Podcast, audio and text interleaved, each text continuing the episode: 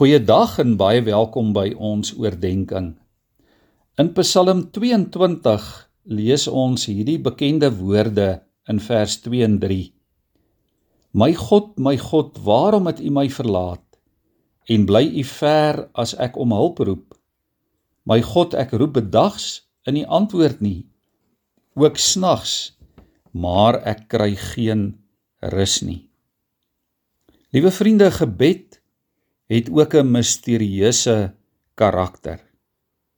En die rede daarvoor is dat dat ons as gewone aardse mense in ons gebedslewe met 'n misterieuse en 'n onsigbare God kommunikeer. 'n God wie se stem nie een van ons al ooit fisies in ons eie ore gehoor het nie. Ongelowiges sal oor ons gebedslewe sê dat dit malligheid is. Maar so gebeur dit ook dikwels met ons dat ons in situasies kom waar dit vir ons voel dat God nie luister nie.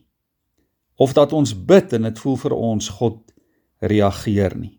Ek dink elkeen van ons het dit al een of ander tyd in ons lewe beleef. Dat jy in 'n ewige leë ruimte inbid. Party mense praat van die gat bokant hulle kop of dat hulle gebede van die plafon af terugbons. As ons so voel dan kan ons weet ons is in goeie geselskap want die meeste van ons het die een of ander tyd al in ons lewe so gevoel. En nou is die vraag is God baie keer doelbewus afwesig? Kan dit gebeur dat God homself doelbewus van ons onttrek of homself terugtrek. Is gebed nie maar die produk van ons eie emosionele leefwêreld nie. Elkeen van ons het al hierdie en ander soortgelyke vrae gevra. Die wonder is dat hierdie God wat dikwels vir ons afwesig voel, dat hy ons juis elke keer keer op keer nader trek na hom toe.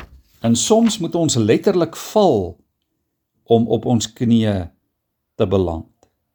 Soms moet daar letterlik moeilikheid oor ons lewenspad kom om ons by die punt te bring dat ons in gebed tot God nader. In ander kere gebeur dit weer dat dankbaarheid sommer spontaan uit ons harte uitborrel en ons in lofprysing voor God laat neerval. Liewe vriende, waarop kom dit neer? Dit kom daarop neer dat ons as mense in ons wese sondaars is. Ons vergeet dit so maklik.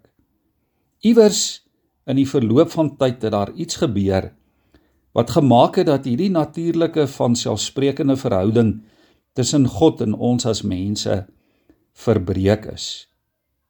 Die mens het verander sodat ons in die eerste plek nie meer op God gerig is nie maar in die eerste plek op onsself, op ons eie behoeftes. Daar kan baie redes dink ek gegee word hoekom ons gedagtes byvoorbeeld so dwaal wanneer ons bid. Hoekom ons so moeilik konsentreer.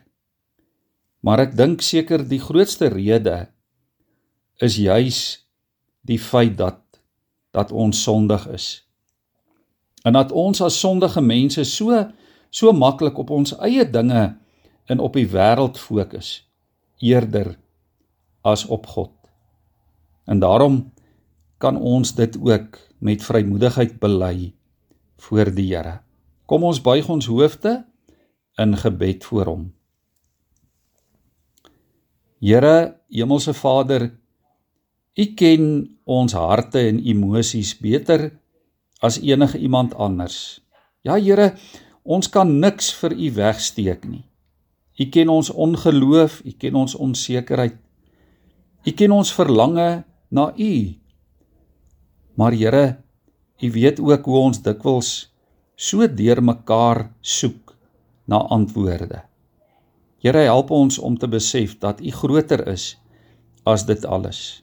Dat u groter is as ons gevoelens, groter as ons vrese, groter as ons ongeloof. Here help ons om so bewus te word van u grootheid en u almag dat ons self al kleiner en al kleiner word sodat u al groter kan word in ons. Here help ons om u so raak te sien dat ons onsself al minder sal raak sien. Dankie Here dat ons deur mekaar eie ek kan rus vind in u wat so magtig is. Ja Here in u wat ons liefhet en wat vir ons vrede wil gee. Amen.